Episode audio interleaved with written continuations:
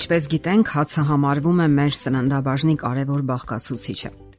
Շատերն առանց հացի չեն էլ պատկերացնում իրենց առօրյան։ Մեր հայերիս համար այն համարյա սրբազան նշանակություն ունի։ Ոչ մի հացկերույթ Հայաստանում չի անցնում առանց հացի։ Հիշենք նաև նշանավոր աղ ու հաց արտահայտությունը։ Եվ այսպես, մենք ամեն օր հաց ենք օգտագործում։ Նա 1/3-ի չափով ապահովում է սննդանյութերի եւ էներգիայի մեր պահանջը։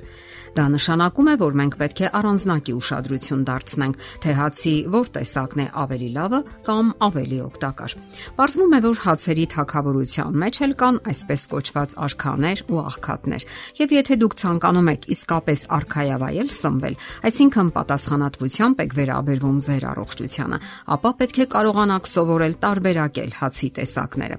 Այսպես ուրեմն, ինչ պետք է իմանալ հացի մասին, որpիսի կարողանաք ճիշտ ընտրություն կատարել։ Այստեղ մեր առաջին գործը պետք է լինի ուշադրությամբ ուսումնասիրել ծորենի հատիկի կառուցվածքը, որից թխում են մեր շատ սիրելի մատնակաշները, բուխանկաները, բուլկիները եւ այլն։ Հատիկը արտաքինից մի քանի պաշտպանական ամուր թաղանթ ունի՝ ծաղկային, սերմային եւ պտուղային, ապա գալիս է սննդանյութերով, վիտամիններով հարուստ շերտը։ Դրանց հաջորդում են հատիկի ներքին, փափուկ մասը, էնդոսպերման եւ սաղմը։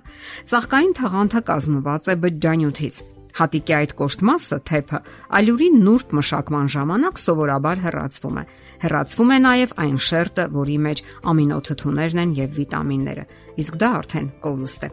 Կոշտ աղվածքի մեջ մնում է նաև սաղմը, հատիկի մի մասը, որից զարգանում է նոր բույսը եւ որը հարուստ է B խմբի վիտամիններով եւ A, P, E վիտամիններով։ Հանքային նյութերից պարունակվում են նատրիումը, կոբալտը, կրեմնիումը, մագնիումը, իոդը եւ այլն։ Այդ սաղմերը չեն թողնում բարձր տեսակի ալյուրի մեջ հենց այդ ճարպերի պատճառով, որոնք կայուն չեն պահպանման ժամանակ։ Եվ եթե սաղմն ընկնում է ալյուրի մեջ, այն կարող է դառնավուն կծվահամ հաղորդել։ Եվ այսպես, որքան բարձր է ալյուրի տեսակը, այնքան քիչ է կոշտաղվածքը ալյուրի մեջ։ Իսկ ինչ է մնում այդ ժամանակ նրա մեջ։ Միայն էնդոսպերմը, որը կազմված է խոշոր բջիջներից եւ որոնք պարունակում են օսլա, սպիտակուցներ եւ շաքար։ Այդպիսի ալյուրից ստացվում է ճոխ, համեղ հաց, սպիտակ ու փափուկ, սակայն ավաղ համարյա զուրկ օգտակար հատկություններից։ Այն ամենը, ինչը կարևոր է եւ օգտակար մարդկային օրգանիզմի համար, այնտեղից հեռացված է։ Հենց այդպիսի հացից են օգտվում շատերը եւ գիրանում։ Ահա թե ինչու օրգանիզմի համար օգտակար է միայն կոշտաղվածքի հացը, որի մեջ պահպանվում են օգտակար մասերը։ Այլ կերպ դա անվանում են հացի թեփ կամ թեփով հաց։ Սննդարար լավ հատկություններով է ուշտված նաև այն հացը, որը թխում են սև եւ սպիտակ ալյուրների համադրությամբ։ Թեև սա արտաքին տեսքով եւ համային որակներով զիջում է սպիտակ համեղ հացին, այնուամենայնիվ ավելի օգտակար է։ Սակայն խոսքն ընդհանրապես համի մասին է, իսկ դա արդեն սովորության հարց է։ Ասենք որ սովորությունն էլ կամային ընտրության հարց է, Դե մենք էլ կարող ենք խելամիտ ընտրություն կատարել։ Մենք բոլորս շատ ենք կարդացել ու լսել հեքիաթներում, թե ինչպես թակավորները սպիտակ ու համեղ հաց են կերել, իսկ ահա աղքատները սև չոր հաց։ Սակայն այս թակավորները սկսում են նկատել, որ իրենց աղքատիկ սնվող հպատակները չգիտես ինչու ավելի առողջ տեսք ունեն, քան պալատներում բնակվողները եւ նրանք սկսում են համտեսել աղքատների հացը։ Պարզվում է, որ դա այնքան էլ անհամ չէ եւ իսկապես կարելի է ուտել։ Մտածեք միայն, թե ինչպես է այդ կոշտաղվածքը ավելի նման պարզապես ավլում ու մաքրում մեր օրգանիզմի անմաքրությունները։ Իսկ երբ հասկանում ես, որ նաև վիտամիններով ու էներգիայով է օժտում, ապա սիրելը այնքան էլ դժվար չէ։ Իմանանք, որ հացը այնքան էլ անկարևոր չէ մեր առողջության համար նույնիսկ այսպիսի ասացված գոյություն ունի։ Լավ թխված հացի մեջ ավելի շատ կրոն կա, քան շատերը կարող են ենթադրել։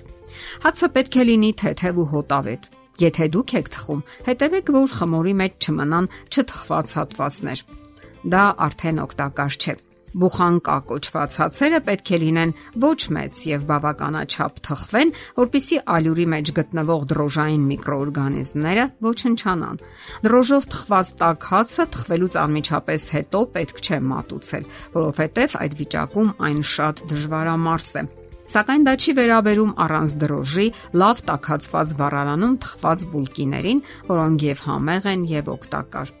Սակայն նույնիսկ լավ թխված հացն էլ պետք է ուտել չափավոր։ Հայկական ավանդական ընտանիքներում հացը շատ է օգտագործվում այն հաճախ գիրացման պատճառ է դառնում։ Հատկապես միայն սպիտակ հաց օգտագործելը հագեցնում է օրգանիզմը բացառապես կալորիաներով եւ օսլայով, իսկ դա էլ տանում է գիրացման։ Ընդ որում թեթևած խաչրատները վատթարացնում են օգտակար նյութերի ներծծումը աղիներում եւ նպաստում են ախտաբանական միկրոֆլորայի զարգացմանը։ Ահա թե ինչու կանոնավոր եւ առատ կերպով սպիտակ հաց կամ հացաբուլկեղեն օգտագործելը կարող է առաջացնել դիսբակտերիոզ, խախտել վիտամինների, հանքանյութերի հավասարակշռությունը կարող են առաջանալ նաև ստամոք սաղիքային եւ սիրտանոթային համակարգի հիվանդություններ։ Իսկ որքան պետք է ուտել հաց։ Մասնագետների կարծիքով հացը պետք է կազմի ուտելիքի օրական չափաբաժնի 5-ից 10%-ը միայն։ Մեծահասակի համար դա կարող է լինել 3-ից 5 կտորը, իսկ երեխաների համար ավելի քիչ։ Նաև պետք է հասկանանք, թե ով մի կտոր հաց ասելով ինչ քանակի հաց է պատկերացնում։ Քանակը կախված է նաև մարդու կատարած աշխատանքից եւ շարժողական եռանդից։ Ընդ որում թարմ հացը կարող է դժվարությամբ մարսվել, քանի որ այն փափուկ է ու խոնավ եւ դժվարությամբ է մշակվում ստամոքսում։ Օգտագործեք համեմատաբար հին հաց, սակայն ոչ ավելի քան 2-3 օրվա հնության։ Իսկ հին հացը հնարավոր չէ անմիջապես կուլ տալ, այն պետք է երկար ծամել, ինչը նաև նպաստում է լավ մարսողությանը։ Ընդ որում թխված քաբլիտները նույնպես մտնում են հացի այն խմբի մեջ, որոնք օգտակար չեն։ Դե ինչ, օգտակար եւ սիրելի մթերքը նույնպես հարկավոր է օգտագործել ճափավոր։